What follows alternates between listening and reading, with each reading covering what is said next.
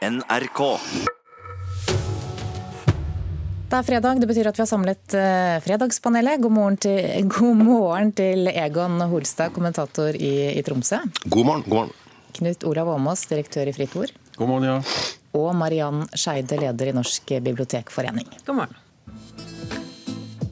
Det er ikke bare på gøy. Nei. Du er lesbisk, altså? Jeg trodde du da hooka rundt med gutta og Altså, Folk glemmer liksom at det går an å være bifil.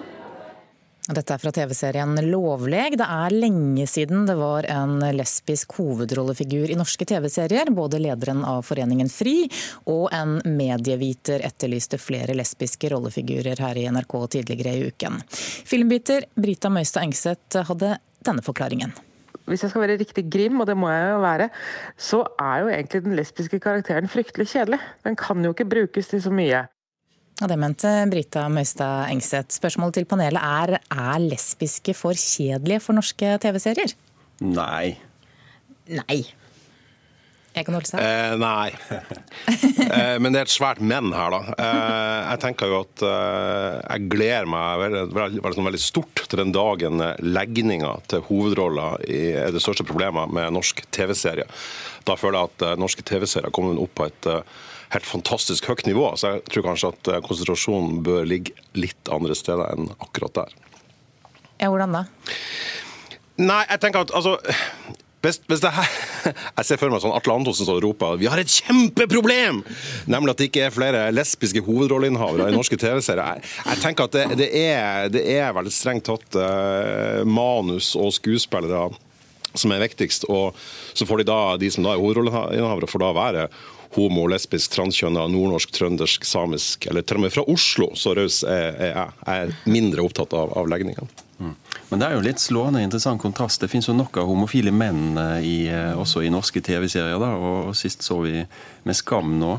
Så mm, jeg lurer på, litt på hvorfor det ikke er flere lesbiske eh, i, i TV-serier. For populærkulturen er jo et eh, fritt felt. og og det finnes et uh, marked for TV-serier som en skulle tro at de kommersielle er interessert i å avspeile litt. Og, og, når det gjelder de offentlig finansierte, så har jo de en hel lang liste med mangfoldskrav på seg fra Norsk Filminstitutt.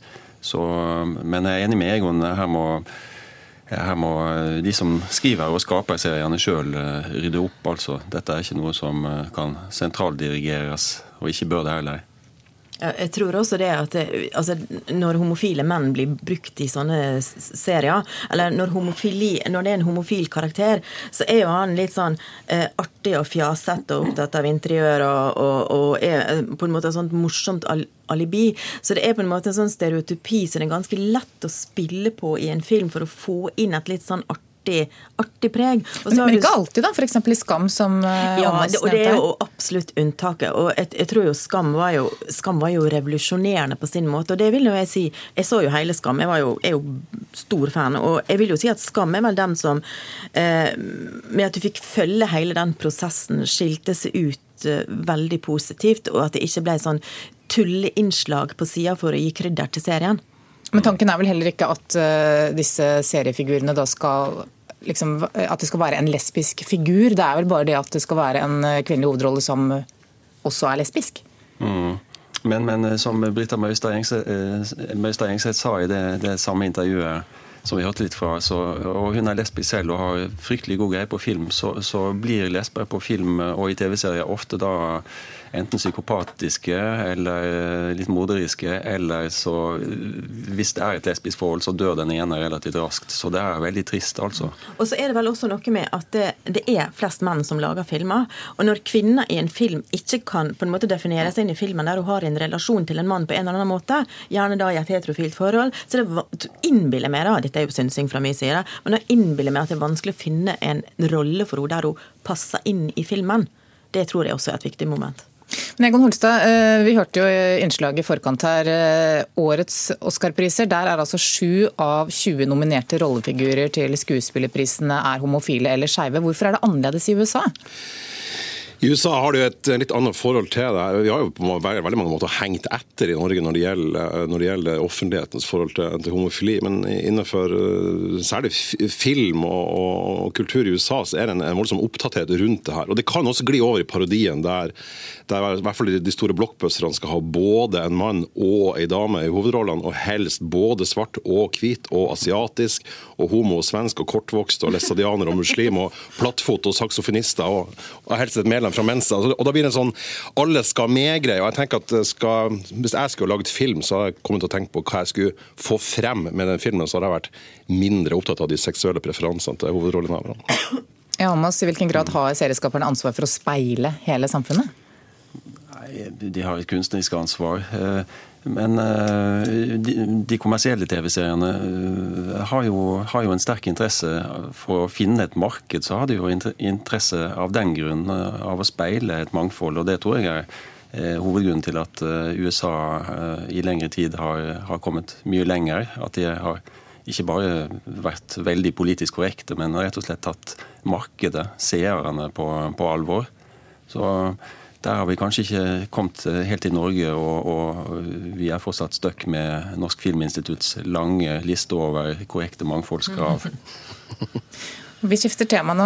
Klassekampen skriver denne uken at strømmetjenestene ikke bare forandrer bokmarkedet, men også selve skrivingen. Tom Egeland sier til avisen at han forandrer flere ting i teksten før den blir til lydbok. Og Lydbokforlaget ser ikke bort fra at litteraturen forandrer seg, ettersom forfattere tilpasser seg denne trenden. Spørsmålet til panelet er mister vi noe av litteraturen dersom forfattere begynner å tilpasse seg høytlesning? Starter i Tromsø. Nei, jeg tror eh, ikke det er et uh, kjempeproblem, nei. Ja, det er vanskelig. Ja og nei. nei da. ok, da Marianne Skeide, da får du starte. Eh, altså Det at forfattere eh, på en måte driver, skal vi si, hvis vi sier det litt eh, slemt, da, sjølsensur, og tilpassa seg en leser. Det har jo skjedd til alle tider. Det skjer jo hele tida. Alle skriver for en, en, leser som de ser foran seg. Eh, I andre land så ser vi også at de driver selvsensur på, på, på tema for i det hele tatt blir gitt ut. Men det at det, eh, Og nå blir han Tom Egeland dratt frem, og han skriver jo litt annerledes enn andre, fordi han bruker mye sånn ja, symbol og tall og, og, og liksom figurer og sånn. Og det, det, skjønner jo jeg veldig godt det er vanskelig å få til. Men det er jo, som han også sa, han har jo også oppfordra den som leser til å legge inn f.eks. litt sang, kan synge sjøl. Eh, så eh, det er jo en slags adaptasjon til en, en, en måte å, å lese ei bok på. Det er ikke verre enn det, men samtidig så kan jo det være noe En kan tenke seg at vi får mer eh, skal vi si, direkte tale. At det, er, at det egner seg bedre for høytlesning, f.eks. Og, da, og da kan vi fort begynne å komme bort til at det blir litt mer lettvint, det som blir skrevet. At, vi, at det kommer mer og mer mot skal vi si, i verste fall mot triviallitteraturen og de virkemidlene de bruker. Da begynner det å bli litt vanskelig. Ja, dette er mest en tullesak. Eh, altså, som Marianne er inne på, Det dreier seg om formidling. Altså, Litteratur blir formidla i mange former og på mange plattformer. og Når en skreven bok eh, da skal formidles som lydbok, så, så må det tilpasses litt. Og, og, Det at noe blir skrevet, skrevet, som lydbøker, det er også fint. Eh, at en tilpasser et så stort og viktig bokmedium som, som lydboka faktisk er blitt. Så, og, og, Samtidig er det mulig å tenke seg at man kanskje må sette noen grenser. Det er ikke alt som egner seg som lydbok eh, pga. hvordan teksten er. Og så Her må forfattere være bevisste og sette foten ned hvis det er noe som ikke kan eller bør tilpasses og endres. Har du eksempler? Nei. Men, men eh, beundringsverdig at Tom Egeland eh, med så mye formler og symboler og sånn i sine eh, avanserte bøker da forsøker å finne løsninger. Jeg hadde vært, kanskje Personlig vært mer engstelig hvis, eh, hvis bøker begynte å bli skrevet med, med haug med emojis og sånn, da, da, hadde jeg blitt, blitt veldig engstelig. Og hvis man f.eks. endra sånn at, eh, at ei, ei, bok med en trist slutt fikk happy ending, at det var, at det var sånne ting. At man liksom gikk inn i det litterære produktet.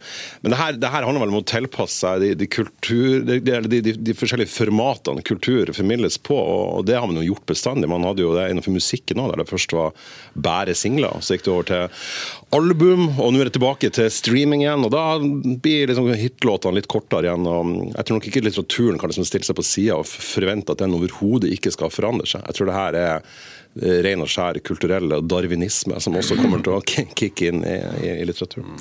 Litteratur er jo den kunstformen som krever mest av brukeren. Som krever mest med at du skal lagre dine indre bilder sjøl. Og som bibliotekar så, så, så, vet jeg jo at også at det, den som leser mye lydbøker, er veldig opptatt av hvem som leser. De har sine favorittinnlesere, f.eks. Eh, og det er ofte den med liksom mørke, lave stemmer også blant kvinner som er den som er foretrukket. Og så er jo det interessant da at lydbøker og, og De kom jo først for å være et tilbud til blinde og svaksynte. Og så har jo det eksplodert fordi at vi alle liker å bli lest for. Selv om vi kan lese sjøl. Så derfor så er jo det interessant at forfattere etter hvert en sånn tjeneste som ble, var sånn på sida, nå blir sånn allemannseie, og at en tilpasser seg det, det syns jeg jo er positivt. Vi skal fortsatt snakke om litteratur. Forfatter Karl Ove Knausgård, som har blitt verdensberømt for seksbindsverket Min kamp, får Svenske Akademiens nordiske pris for i år. I Sverige kalles den også Lille Nobelprisen. Og Dermed er det svenske akademiet på banen igjen, etter at de besluttet å ikke dele ut Nobelprisen i litteratur i fjor etter en rekke maktkamper og skandaler skandaler. Spørsmålet er er det like stas som før å få en pris av det svenske akademiet? Nei. Nei, definitivt ikke. Eh, neppe. Hvorfor ikke?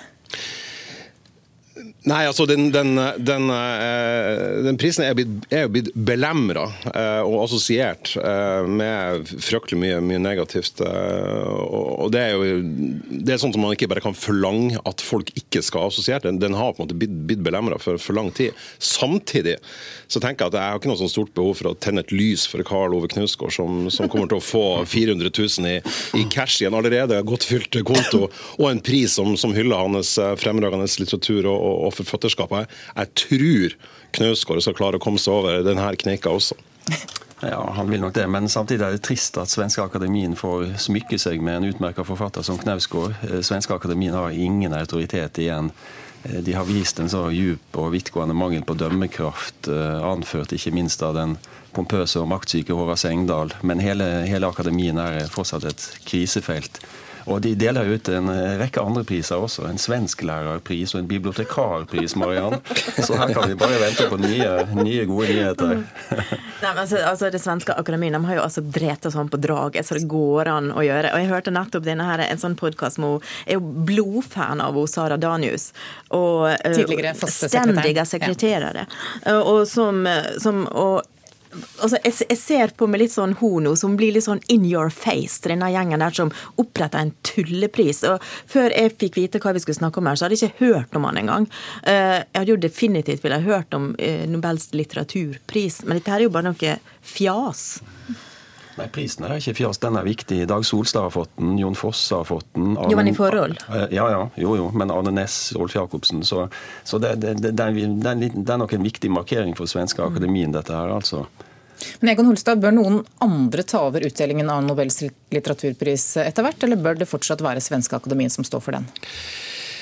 Nei, Det der er jo veldig innfløkt. Uh, man må jo kunne altså, jeg tror altså, Selve prisen må jo også kunne, uh, må jo kunne lese sitt eget liv, det må kunne fragmenteres og tas bort fra Svenske Akademien. For Nobelprisen i litteratur tror jeg nok fortsatt vil, vil rave, rage høyt i, i, i, det litterære terrenget. Og, det, og, de som har fått prisen, tror jeg syns det er ganske OK. Bare la være å få Ørjan Burøe eller Trond Giske til å dele den ut, så tror jeg det går greit. Kommentator i, i Tromsø, Egon Holse, du fikk siste ord. Takk også til Knut Olav Åmås, direktør i Fritt Ord, og Mariann Skeide, leder i Norsk bibliotekforening. Klokka er 8.30. Vi skal få Dagsnytt her i Nyhetsmorgen.